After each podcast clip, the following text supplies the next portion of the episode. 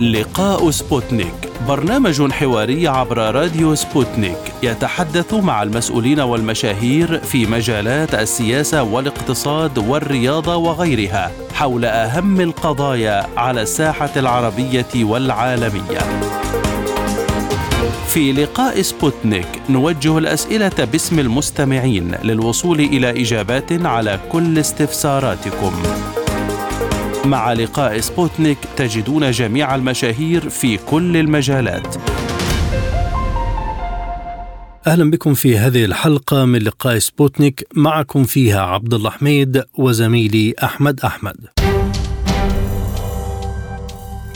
مع اقتراب الحرب الإسرائيلية على غزة من نهاية شهرها الثالث لوح مسؤولون أردنيون بمراجعة العلاقات مع إسرائيل وإمكانية وقف بعض الاتفاقيات بين الجانبين لدرجة التهديد بعودة حالة لا سلم وفق ما صرح به رئيس الوزراء الأردني بشير الخصاونة ويرتبط الأردن مع إسرائيل بعدة اتفاقيات أبرزها معاهدة السلام اتفاقية الغاز اتفاقية الطاقة مقابل المياه واتفاقية المناطق الصناعية المؤهلة. الأردن الذي يتعامل مع ما يجري في غزة وكأنه يحصل على الحدود الأردنية وفق الخصاونة أكد أن تهيئة الأجواء والظروف التي من شأنها أن تؤدي إلى تهجير الفلسطينيين قسريا سيعتبر بمثابة إعلان حرب على الأردن لأنه يشكل إخلالا ماديا باتفاقية السلام من قبل إسرائيل. وتعود معاهدة السلام بين الجانبين برعاية أمريكية إلى عام 94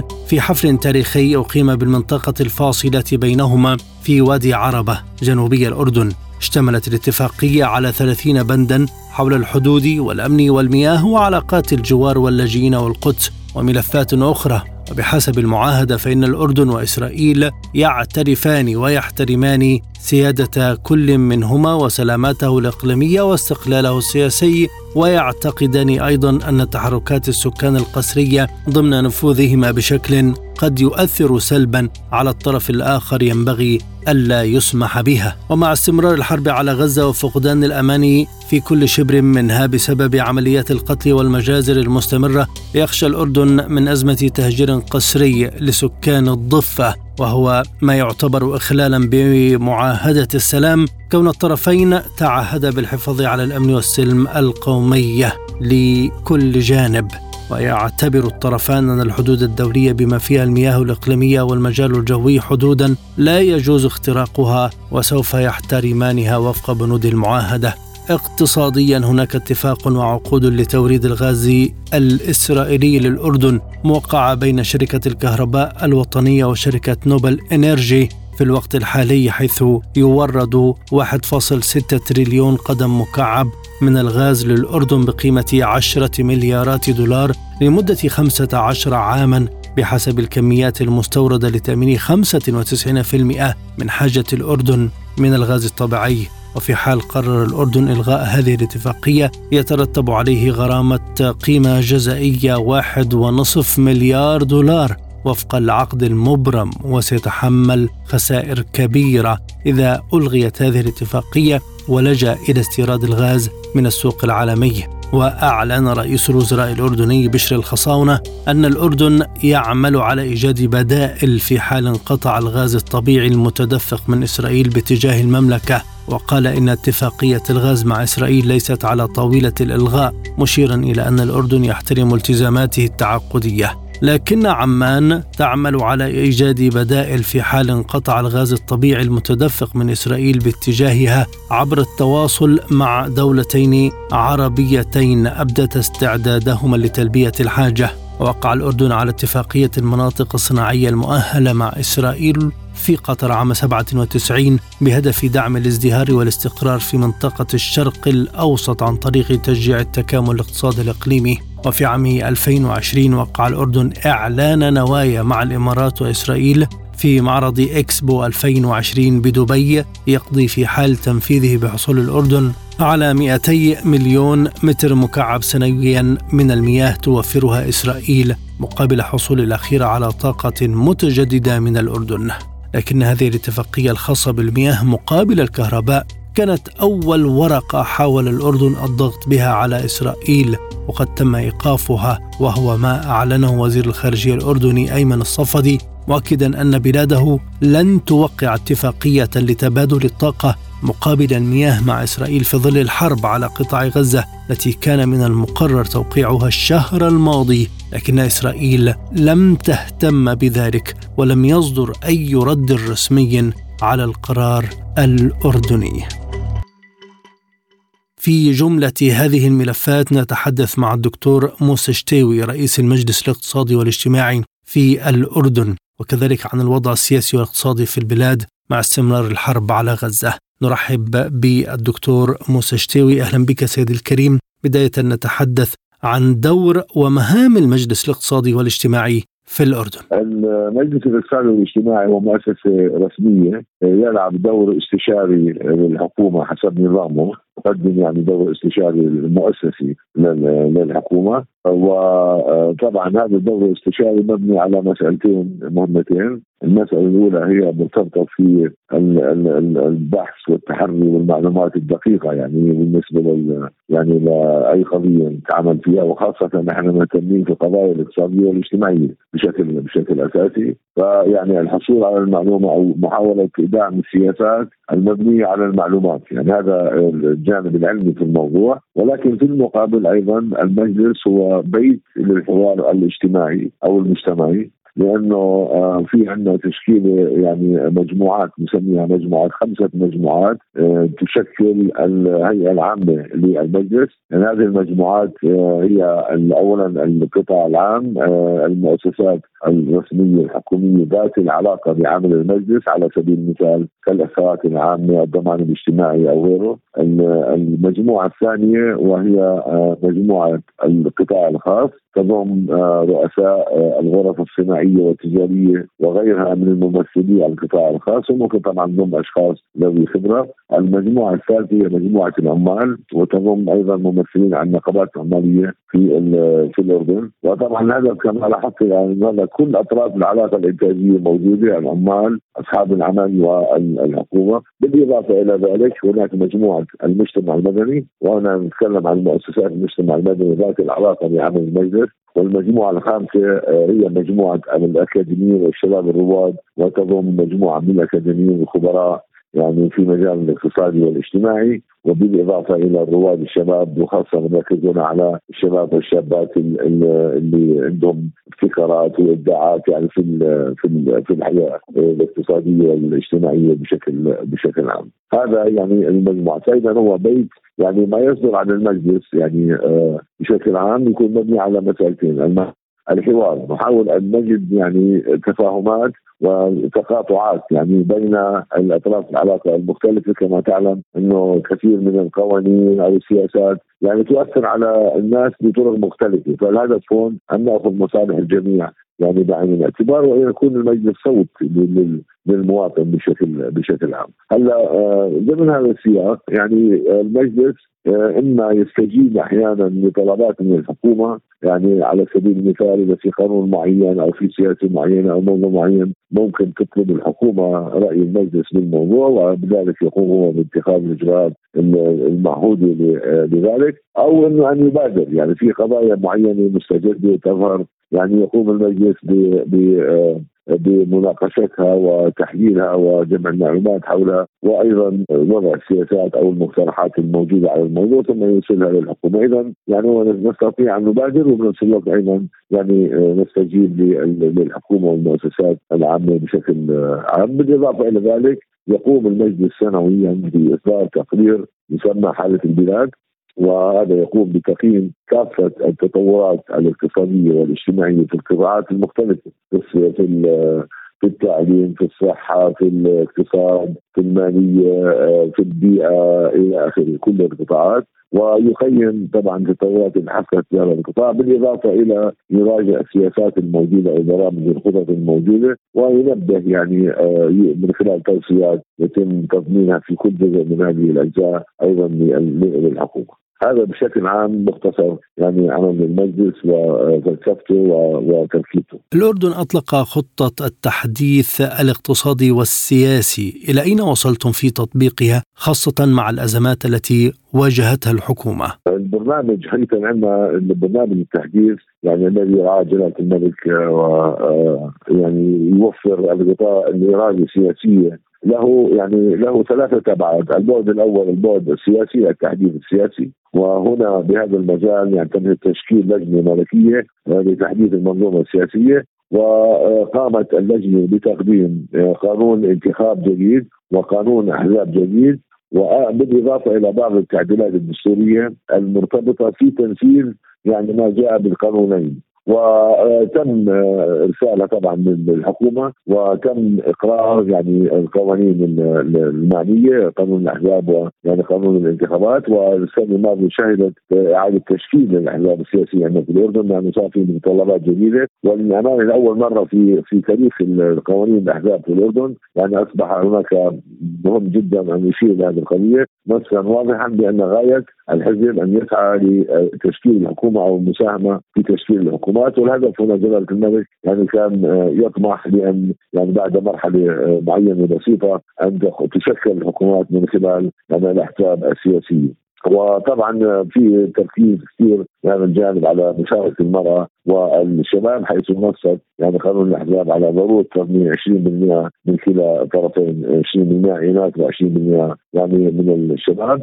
وبالنسبة لقانون الانتخاب أيضا يعني المستجد في هذا القانون هو تم آه، تطوير ما يسمى بالقائمة الحزبية الوطنية. هناك قائمة حزبية وطنية تتنافس عليها الأحزاب فقط يعني لا يستطيع الأشخاص أو مجموعات أن تتنافس عليها. وتم تخصيص ما نسبته تقريبا 30% من عدد المقاعد الكلية آه، في البرلمان الأردني آه، في المرحلة الأولى. ثم بعد أربع سنوات تضاف تصبح يعني 50% وفي المرحلة الأخيرة تصبح 65% مقاعد وطنية قائمه وطنيه يتنافس عليها الأحزاب فقط. وكان طبعا هنا يعني مبدأ تدرج في إدخال الأحزاب في العملية آه، آه، السياسية وأيضا يعني أن تكون على المستوى الوطني حتى نتجاوز القضايا الفرعية والتفاصيل المختلفة. وهذا يعني أيضا أنجز والتعديلات الدستورية أنجزت آه، وكان فيها يعني نص صريح يعني موضوع المرأة يعني كان مساواة بين المرأة والرجل وتكفل الدولة آه،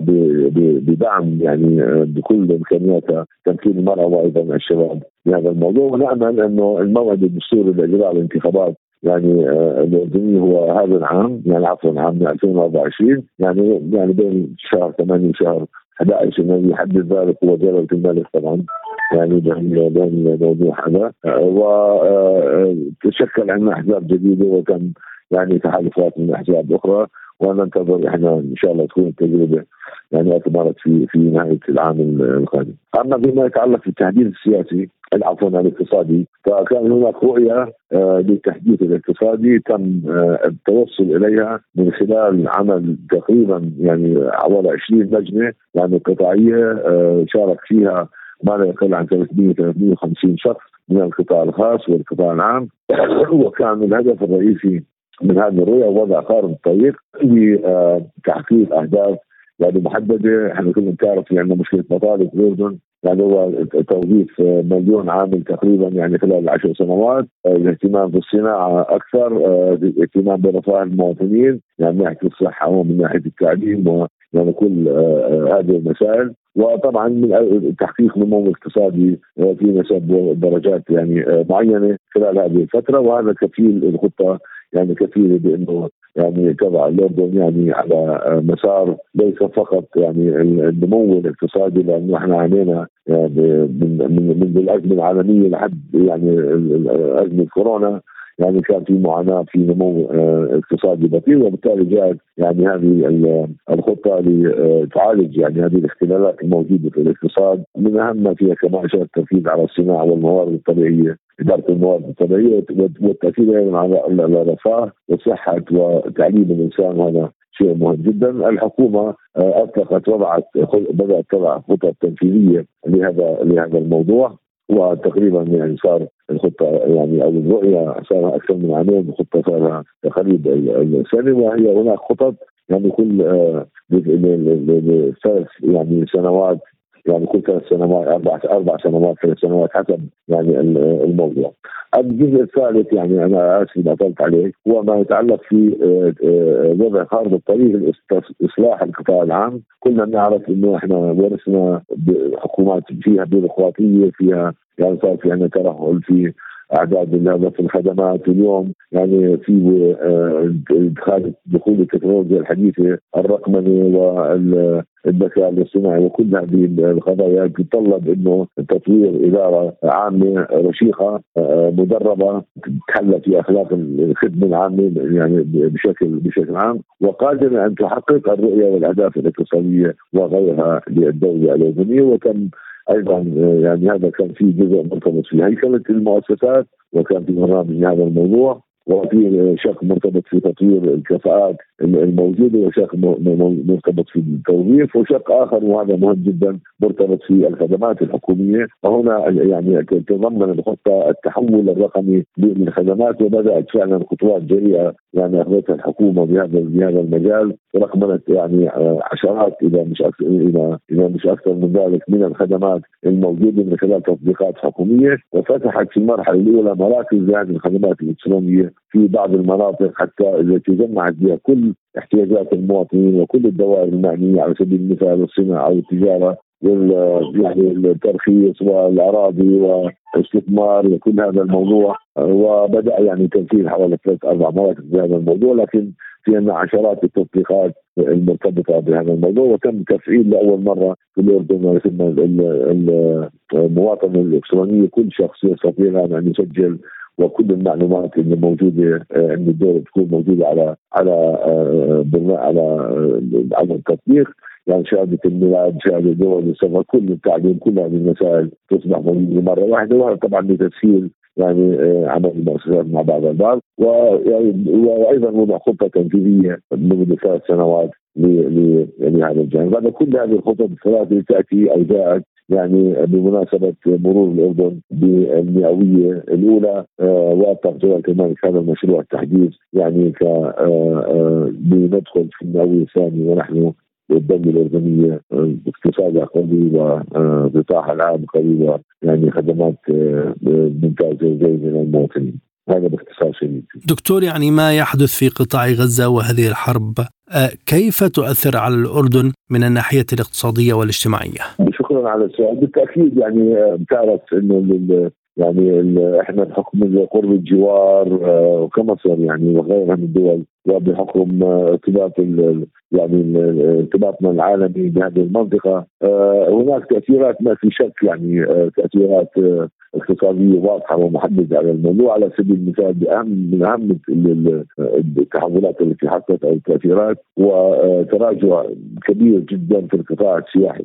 يعني القطاع السياحي في الأردن هذا العام كان من أفضل السنوات يعني آه، آه، من منذ فترة زمنية طويلة وحقق نسب نمو مرتفعه جدا وتجاوزت التوقعات وجاءت يعني الأزمة يعني العدوان الإسرائيلي ببداية شهر آه، أكتوبر وشهر أكتوبر ونوفمبر يعني هم 10 و 11 بيشكلوا يعني بسموهم يعني شهور بيك يعني الموسم السياحي يكون خاصة العالم السياحه العالميه في أعلى آه، مستوياتها واعلى آه، درجاتها وهذا يعني تراجعت السياحه بنسب تتراوح يعني من 70 80% وهذا طبعا كما تعلم يؤثر على خطوط الطيران على الفنادق على المطاعم بكل أنواعها مكاتب السياحة مكاتب السيارات آه، إلى اخره هذا قطاع مهم وحيوي لكن هذا كان التأثير المباشر. طبعا كما تعلم أنه يعني في صار في تغيير في سلاسل التوريد الخطوط التجارية الاقتصاد العلاقة بين الأردن والضفة الغربية تأثر كثير هذا الموضوع.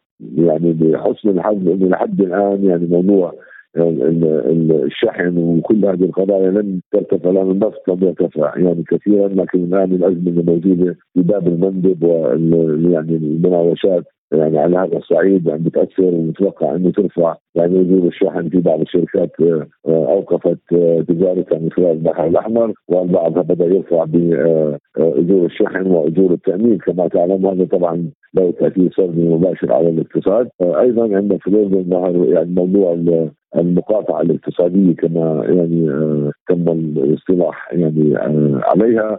والتي تاثرت من القطاعات المحددة. وطبعا يعني هي حق مشروع المقاطعة يعني حق مشروع وفعل سياسي مهم. لكن بسبب يعني المشاعر القوية يعني تجاه ما يحصل من قتل ووحشي وبربري للمدنيين يعني الفلسطينيين. يعني ولد ردة فعل قوي جدا عند الشارع الاردني وبدا عمليه مقاطعة لكثير من الشركات والمطاعم وخاصة البضاعة الأجنبية. وتغير مزاج يعني الناس يعني صار في انكفاء استهلاكي اذا جاز التعبير نستخدم هذا المصطلح والتوقعات إنه يعني آه البنك الدولي إنه ممكن تراجع نسبة النمو في الأردن في الربع الأخير من هذا العام إلى 2.1% بدل ما كان متوقع 2.7 بالمئة وتقديرات آه، برنامج الامم المتحده الإنمائي آه، للمنطقة العربية آه، أطلقوا دراسة قبل يعني عشرة أيام أو أسبوع يتوقعوا فيها وكان الدراسة على الأردن ومصر ولبنان يتوقعوا فيها زيادة عدد الفقراء في الأردن يعني ب 200 ألف في الثلاث شهور الأولى وراح ترتفع اذا استمرت الحرب على بهذا الموضوع. طبعا بالتأكيد كمان يعني آه، الحرب خلقت حالة من لا يقين يعني لدى المستثمرين ولدى يعني الناس اللي يعني ممكن يستثمروا في العقار أو في مشاريع جديدة أو شركات وبالتالي أصبح في تراجع أيضا في هذا الموضوع. فما في شك إنه يعني العدوان الإسرائيلي على على غزة يعني كان له آثار آه، سلبية آه، كثيرا. ونخشى طبعا أن تمتد هذه الآثار على قدرة الحكومة في تنفيذ البرامج التنفيذية للخطة الاقتصادية اللي حكينا عنها في البداية. وأيضا أن تضطر الحكومة بسبب يعني آه، الانعكاسات الاجتماعية السلبية كارتفاع نسبة البطالة والفقر. يعني وهذه المسائل لأن تخصص أجزاء أكبر من الميزانية لمعالجة هذه القضايا، طبعا للأسف الشديد كل هذا يأتي في ظل وجود يعني حجم كبير من الأخوة السوريين اللاجئين السوريين وتراجع يعني هذا التراجع لم يب لم يب يعني أبكر من ذلك. وتراجع يعني الدعم الدولي للاجئين وكثير من المنظمات الأممية آه، ومنظمات الخيرية العالمية آه، بدأت بتراجع آه، دعمها بتقليص دعمها بشكل كبير يعني آه، للاجئين وهذا طبعا يزيد اعباء مضاعفه مضاعفه على الأردن وعلى الميزانيه الاردنيه ودوله الملك قبل أسبوع عشر أيام كان في في مؤتمر يعني عالمي حول هذا الموضوع. أشار يعني لهذه القضية وقال نحن يعني أخلاقنا لا تسمح لنا بأن لا نهتم يعني بإخوتنا اللاجئين ولكن يجب أن لا تترك الاردن وحيده يعني آه، لمعالجة يعني هذا مشكله انسانيه والاردن لم تسبب بها وبالتالي كان يحث المجتمع الدولي على الاستمرار بالوفاء بالتزاماته نحو آه، اللاجئين الاردنيين فهذا معظم يعني مجمل التأثيرات. لكن طبعا إذا استمرت الحرب أو توسعت يعني في المرحلة القادمة سوف لا سمح الله نرى يعني آثار سلبية أكثر على الاقتصاد الاردني في الثلاث شهور القادمة. بحديثكم عن أزمة النزوح. الأردن من أكثر الدول استقبالا للنازحين ودار الحديث عن تأثير هذا الملف على الاقتصاد. الحكومة كانت تخطط لحل الأزمة عبر عودة النازحين لكن يبدو أن هناك ضغوط دولية حلت دون ذلك. هل تعتقدون أن هناك أسبابا سياسية خلف عدم حل الملف؟ يعني أولا اسمح لي أن أوضح بما يتعلق في العودة الطوعية الأردن يعني ملتزم يعني بالمواثيق الدولية التي تؤكد على طوعيه العودة، لكن طوعيه العودة لها شروط، يعني الشروط آه، يعني في حالة النزاعات يكون في مصالحة سياسية، يكون في مأوى الناس سبل معيشة، أن يكون تم حل النزاع السوري، النزاع أن لا يعاقب الناس يعني ولا يتم ملاحقتهم إلى آخره، بده يكون في سبل عيش مستدامة وبنفس الوقت في يعني سياسيا في آه، للاسف إنه المشكلة بسوريا لم تحل. صح يعني الحرب يعني بشكل بشكل اللي عرفناه إحنا يعني في فترة 2011 و12 و13 والى 2014 غير موجود الآن لكن ما زالت الدولة ضعيفة جدا ليس لديها مصادر. يعني الأرض السورية ينهشها يعني فيها الأتراك وفيها يعني أطراف تنظيمات لا حكومية. يعني مثلا بالاكراد مسيطر على جزء وفي بعض المنظمات الأخرى تسيطر على جزء آخر الامريكان الدولة السورية ممزقه يعني والدولة يعني قدرتها الاقتصادية تراجعت إلى أدنى درجة ممكنة. يعني بالتالي الظروف المقصود بهذا الكلام إنه الظروف في سوريا آه، غير مواتيه للعودة آه، الطويله وهذا طبعا آه، يعني مشكلة وكلنا نعرف إنه يعني سوريا تخضع أيضا بقرارات يعني عقابية بالمقاطعه ويعني لا يوجد إعادة إعمار ولا يوجد ممنوع التجارة يعني حتى على الدول المجاورة يعني قانون قيصر وغيره من القوانين التي يعني تحد يعني من قدرة وجود العلاقة الاقتصادية بين سوريا وبين الدول العربية المجاورة، بالتالي حديثا انه موضوع العودة الطبيعية مش موجود يعني حالات اللي, اللي بتغادر يعني لسوريا آه، من الأردن يعني عدد لا تذكر بالمئات يعني بين كل شهر أو شهرين ممكن يرجع يعني 200 300 شخص وبالتالي هذا هذا يشكل آه، طبعا زي ما تفضلت الآثار الاقتصادية على الأردن نتكلم عن البنية التحتية نتكلم على المياه نتكلم على الصرف الصحي نتكلم على التعليم نتكلم على الصحة. يعني كل هذه القضايا تعرف الأردن يعني الصحة الأولية الرعاية الأولية هي مجانية. آه، آه، التعليم أيضا كمان حكومي.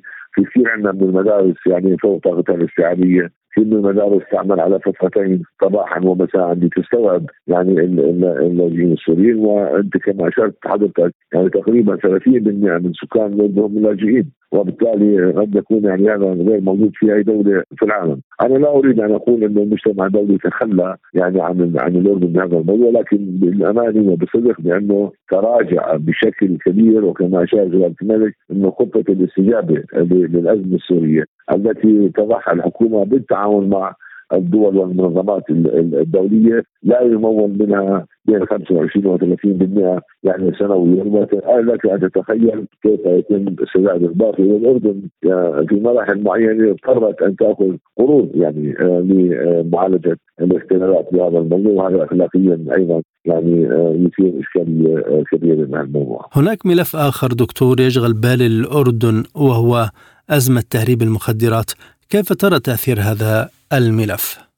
طبعا المخدرات يعني موضوع تهريب المخدرات له أبعاد كثيرة. يعني اولا كما تعلم إنه في حالة الحروب يعني عندما تتقلص إمكانيات الدول ماليا يعني تلجأ اجزاء مختلفة من من الدول. وتنظيمات هناك في سوريا في تنظيمات يعني لا دولتيه يعني مش خاضعه للدوله بالدولة في سوريا يعني تجارة المخدرات أصبحت رقم واحد في المنطقة يعني إذا مش في في العالم والاردن مستهدفة بالتهريب ولكن أيضا هي مستهدفة كما مر يعني كما تعلم الاردن تربط مع الخليج يعني دول الخليج بشكل أساسي وهي مستهدفة من هذا الموضوع. بالتالي النشاط التهريبي بالفترات بالسنوات الماضية آخر ثلاث سنوات يعني زاد بشكل كبير ومنظم. وكما تعلم الأردن لها تقريبا حوالي 370 كيلومتر آه طولي من الحدود مع سوريا. وفي منطقة صحراوية صحراء. وهذا يعني بأنه آه تغطية يعني يعني هذه المساحة كصحراء أيضا يعني ليست عملية سهلة مش مأهولة في أغلب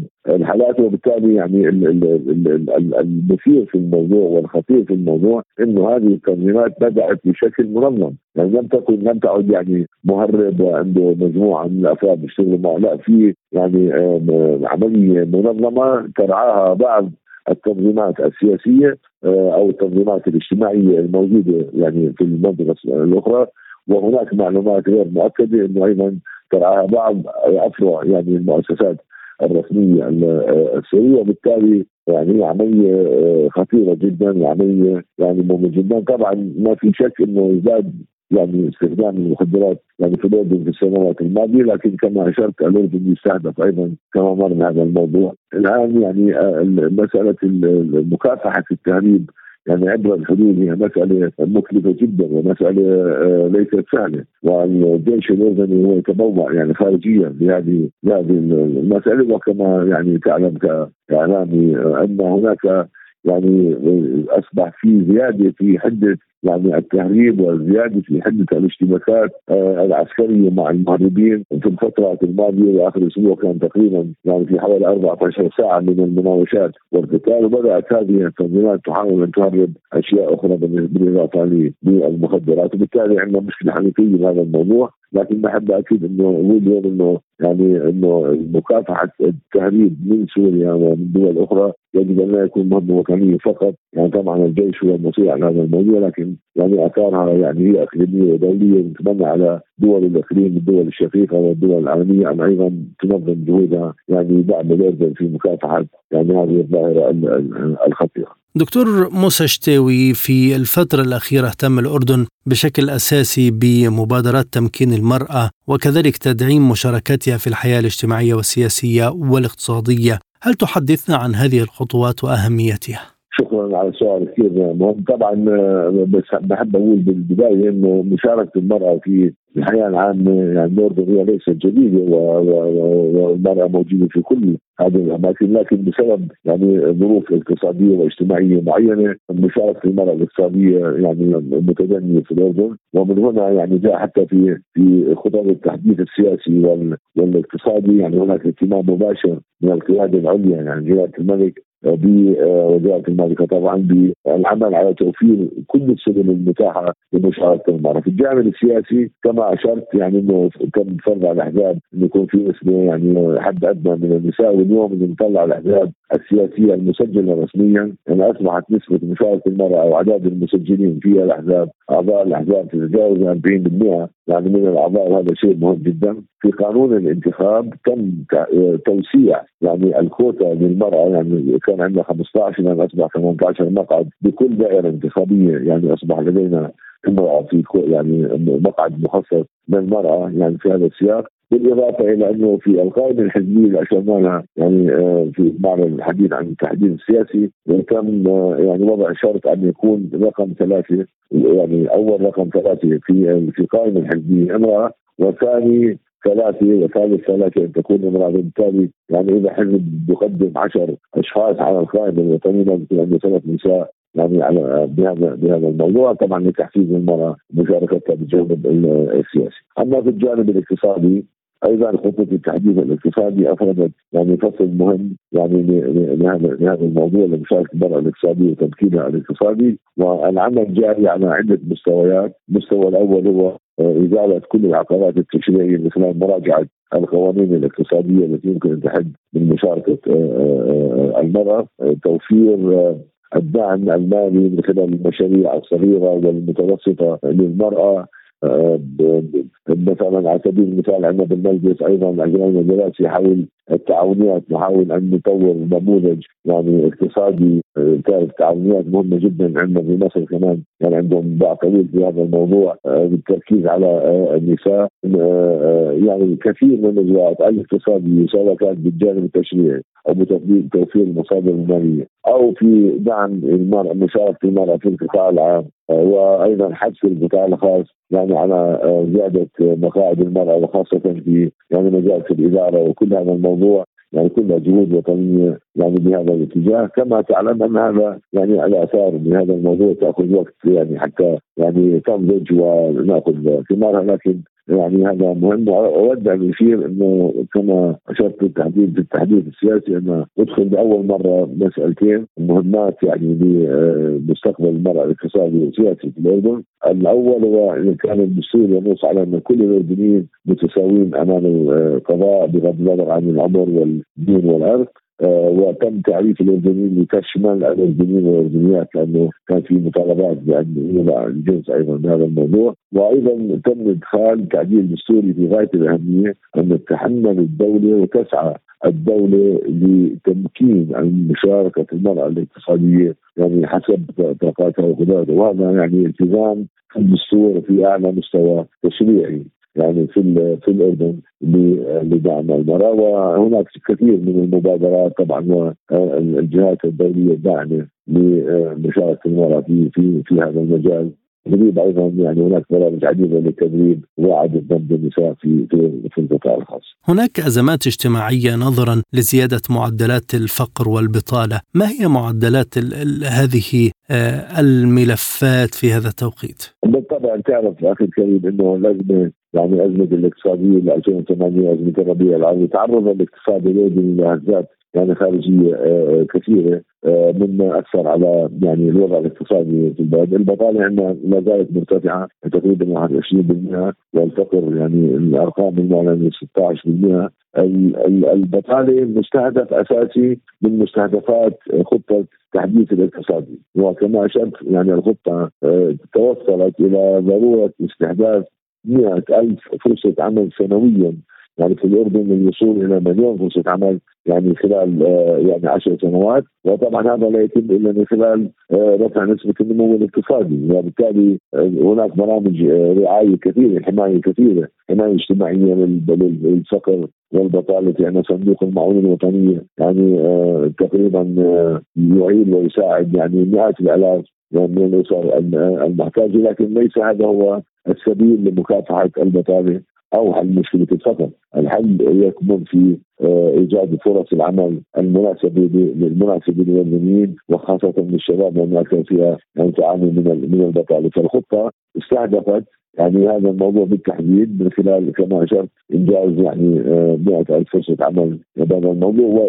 وللأمانة هناك مشاريع يعني تدريب مهمة جدا تقوم بها الدولة يعني آه، بالشراكة مع القطاع الخاص والشركات العالمية والمحلية مثل ما يسمى برامج التدريب من أجل التشغيل يعني إنه آه، يكون تحديد الاحتياجات من قبل الشركات والمؤسسات الاقتصادية. ويتم تدريب أشخاص معينين ويتم دعمهم ماليا في المرحله الأولى.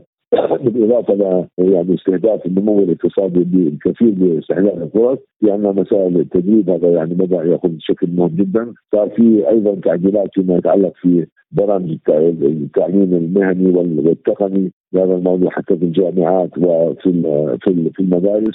وفي اهتمام كبير بالصناعة الوطنية اللي بالعادة هي تكون أكبر مشغل لهذا الموضوع. لكن كما تعلم إحنا كل ما يصير في عندنا يعني خطة في الأردن أو في عندنا برنامج أو في عندنا مشروع يعني تظهر لنا يعني تحديات إقليمية أو عالمية لهذا الموضوع. أزمة أوكرانيا الأزمة طبعا السوري الممتده الآن أزمة العنوان على على غزة. كل هذه يعني الهزات الخارجية أو العوامل الخارجية تؤثر على قدرة يعني الاقتصاد الأردني على النمو بالطريقة لأنه كما أشرت يعني إنه في يصبح في عندك آه، تحول في آه، مساله الاستثمار، السياحة، يعني كل هذه المسائل. وبالتالي هذه الأزمات يعني للأسف يكون لها تأثير يعني كبير على انفاذ هذه الخطط لكن يعني الطموح والأمل موجود بأنه يعني إنه الخطط موجودة والالتزام الحكومي موجود. ومن خلال العديد من البرامج كما اشرت النمو الاقتصادي تدريب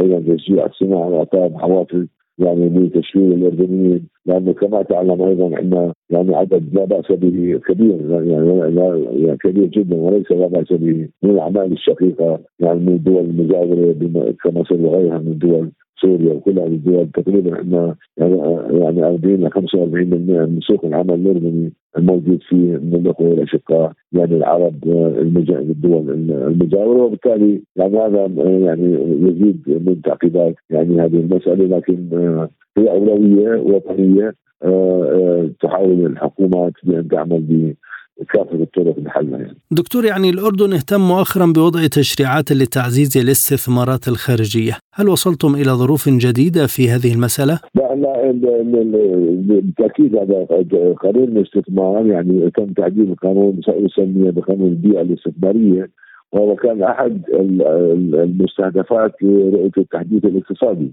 وتم إنجازه والقانون يعني فيه فيه جيده يعني الهدف الرئيسي منها هو تسهيل يعني تسجيل الأعمال تسهيل يعني إعطاء تسهيلات للاستثمار سواء كان أجنبي أو أو المحلي والوزارة ويشكل وزاره يعني كنتيجه لهذا الموضوع عمره تقريبا ثلاث أو أربع شهور. ويعني بدأ في عمل يعني كبير جدا على وضع خارطة استثمارية في المحافظات المختلفة أيضا التواصل يعني مع يعني آه، مع الجهات الخارجية خارج الأردن بهذا آه، الموضوع. لكن كما تعلم وكما أشرت إنه الآن يعني صار في تراجع الفترة الماضية في حجم الاستثمار الخارجي بسبب الظروف يعني غير المستقرة في المنطقة. وبالتالي يعني للاسف إنه يعني باللحظة اللي كنا جاهزين فيها على جذب الاستثمار وعلى يعني آآ آآ يعني العمل يعني تسهيل الأعمال يعني اصبح لدينا هذا المشكل. لكن بالمقابل أريد أن أقول أن هناك يعني مشاريع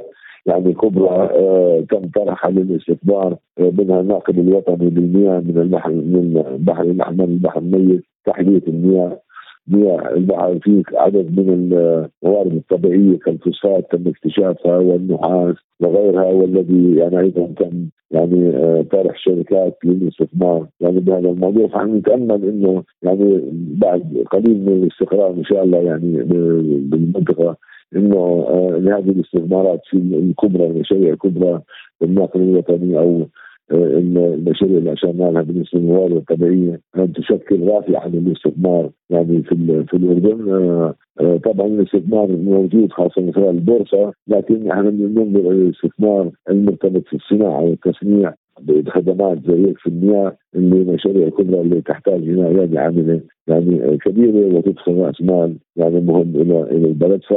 فالجهود القانونية والمؤسساتية يعني وضعت شوط كبير لكن تحقيق يعني الاستثمار واستجلاب المستثمرين يعني إلى إشار إليه في هذا الموضوع وهذا كمان أكيد الأزمة أنه أصبح هناك توجه كبير من القطاع الخاص للاستثمار صناعة الصناعة وبدعم وتشجيع من الحكومة انه القطاع الخاص يستثمر في الصناعات الوطني وأنا بعتقد هذا مهم جدا. أخيرا دكتور كيف تقيمون العلاقات الأردنية الروسية وكيف ترون فرص الشراكة بين الجانبين ومستقبلها؟ يعني للأمانة العلاقة يعني بين الأردن وروسيا يعني كانت يعني علاقة طيبة جدا يعني وزاد التعاون يعني بشكل كبير يعني بين البلدين في مرحلة الربيع العربي وخاصة يعني وجود الروس روسيا في سوريا ولعبت سوريا روسيا دور كبير ومهم بالتعاون مع الأردن وحتى يعني مع أطراف أخرى يعني فيها الولايات المتحده في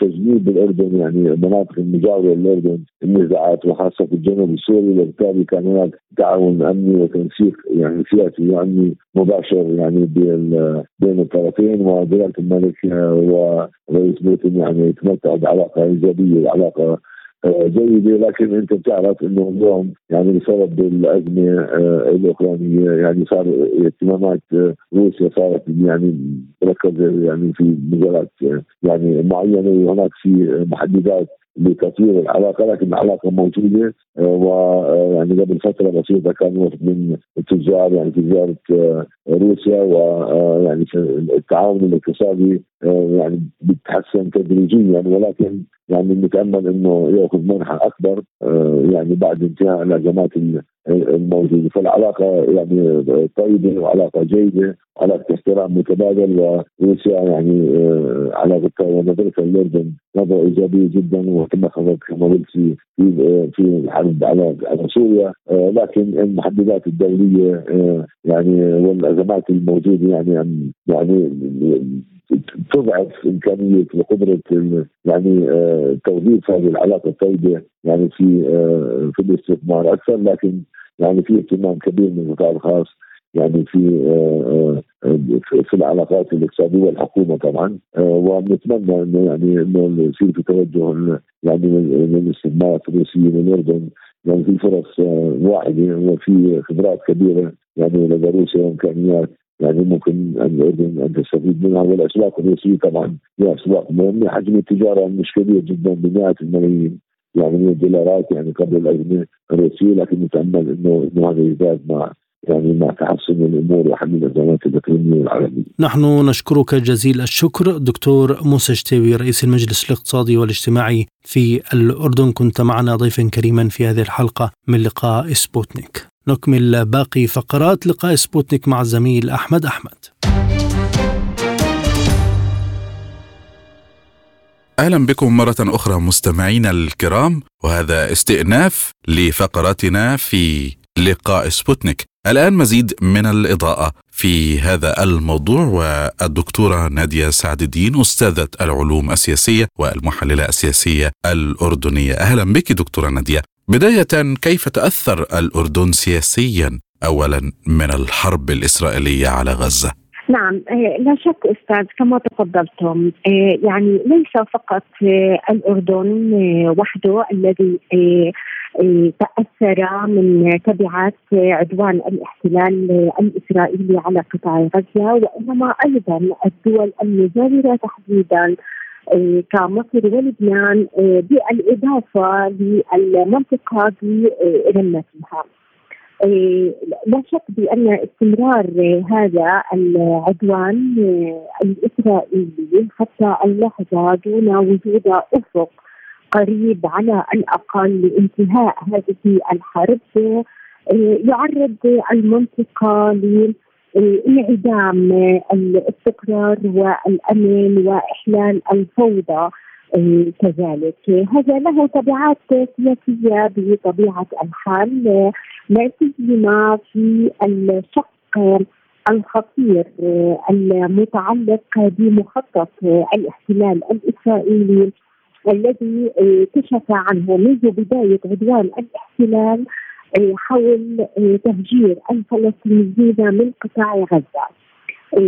ولكن هذا المخطط قد اصطدم بداية بالموقف الأردني المصري الصلب الرافض لأي تهجير لسكان غزة من أراضيهم. إيه، فتم إيه، ترحيله إيه، مؤقتا ولكن لم يتم إلغائه نهائيا.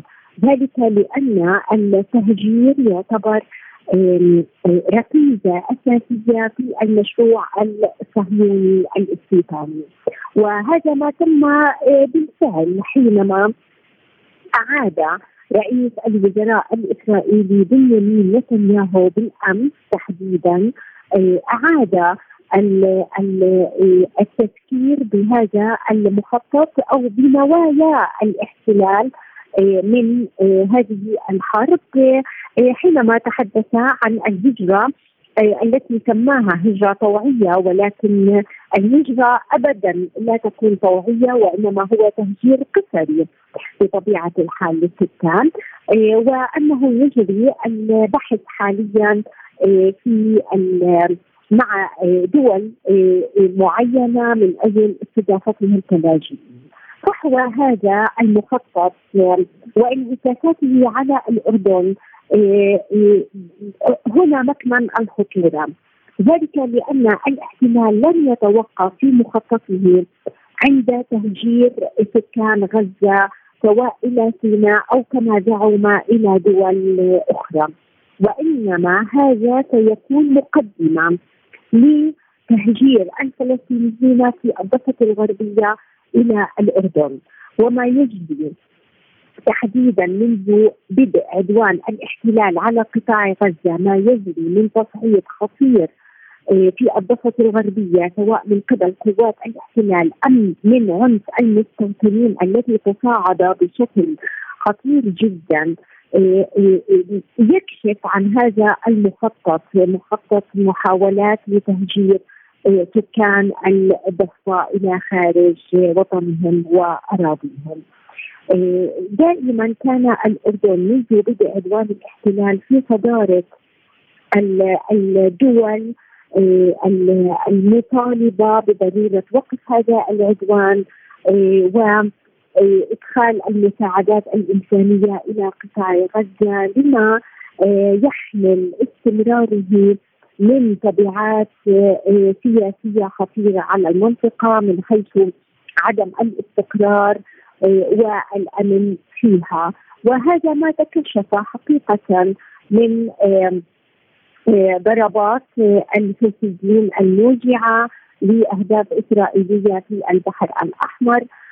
محاولات الولايات المتحدة لتشكيل قوة دولية في البحر الأحمر لصد هذه الهجمات الحوثيه تدخل إيران بطبيعة الحال من خلال الذراع الحوثي يعني نحن نشهد عدم استقرار حقيقة آه، يعني قد آه، يؤشر لتوسع الحرب اقليميا وهذا ما تحاول الدول آه، تطبيقه. وماذا دكتورة نادية عن الأثر الاقتصادي؟ هل بالفعل تركت الحرب على غزة اثارا سلبية كبيرة على الاقتصاد الأردني خاصة في قطاعات السياحة والاستثمارات الأجنبية؟ نعم أستاذ كما تفضلتم آه، هناك تكلفة اقتصادية كبيرة جدا بعدوان الاحتلال على غزة بالنسبة للأردن وأيضا الدول العربية المجاورة آه، كمصر ولبنان فهي أيضا متضرره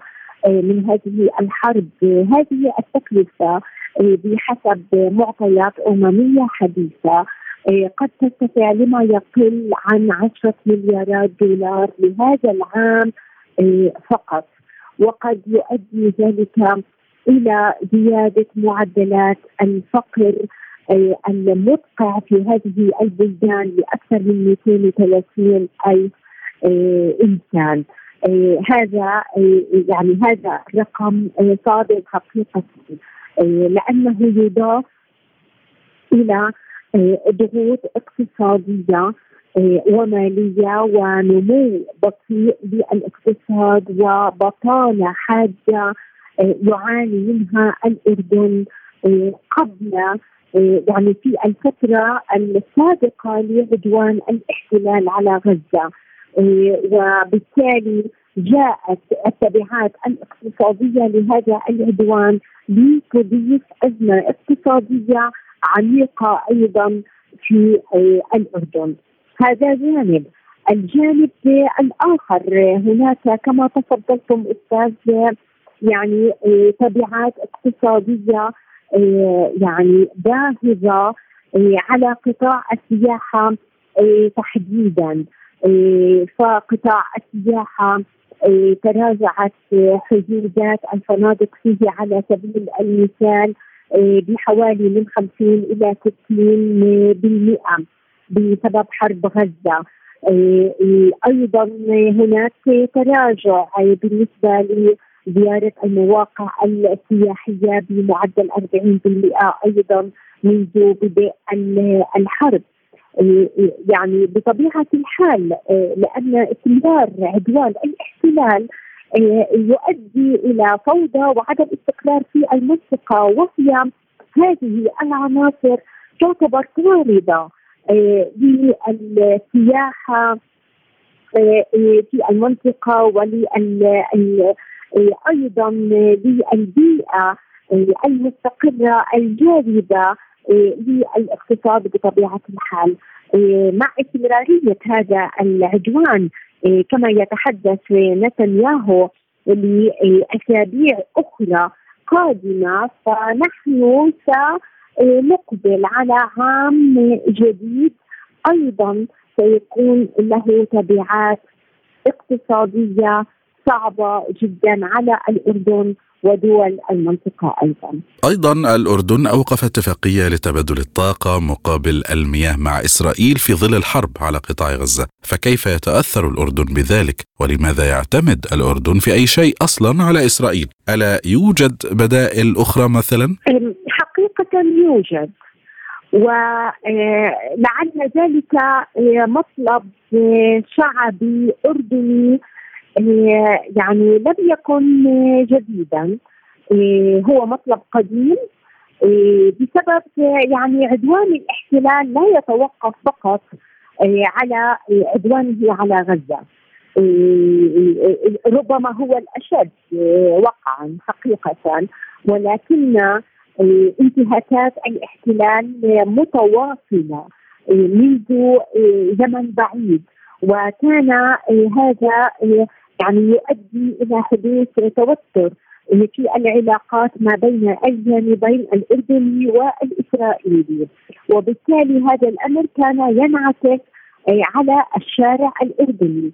ومطالب من شرائح شعبية إردنية مختلفة مطالب من أجل ليس فقط إيجاد بديل عن استيراد أو اتفاقية الغاز مع الاحتلال وإنما أيضا من أجل إلغاء المعاهده الأردنية الإسرائيلية لعدم التزام الاحتلال ببنودها بل وانتهاكه لها خاصة البند المتعلق بالإشراف الأردني وبالوصاية الهاشمية التاريخية على الأماكن المقدسة في القدس المحتله. هذه مسألة، المسألة الأخرى هذه المطالب ليست فقط صدرت من الشرائح الشعبية المختلفة بالشارع الأردني من خلال تظاهراته اليومية منذ بدء عدوان الاحتلال على غزة وإنما أيضا امتدت إلى إلى أوساط نيابية برلمانية وأوساط حزبية أيضا آه، كون أن البديل موجود من خلال مصر. وبالتالي الأردن ليس مجبرا على الاستمرار في اتفاقية.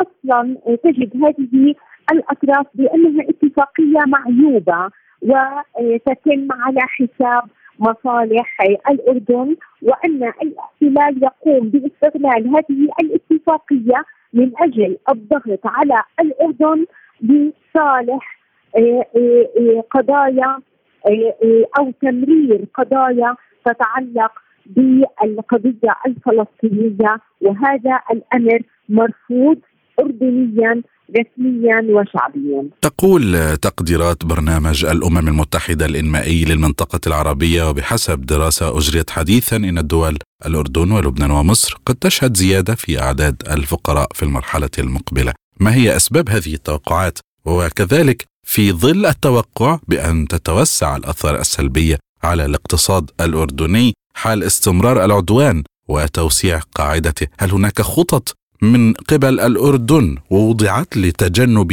مثل هذه السيناريوهات؟ نعم يعني كما تفضلتم أستاذ هذه من تبعات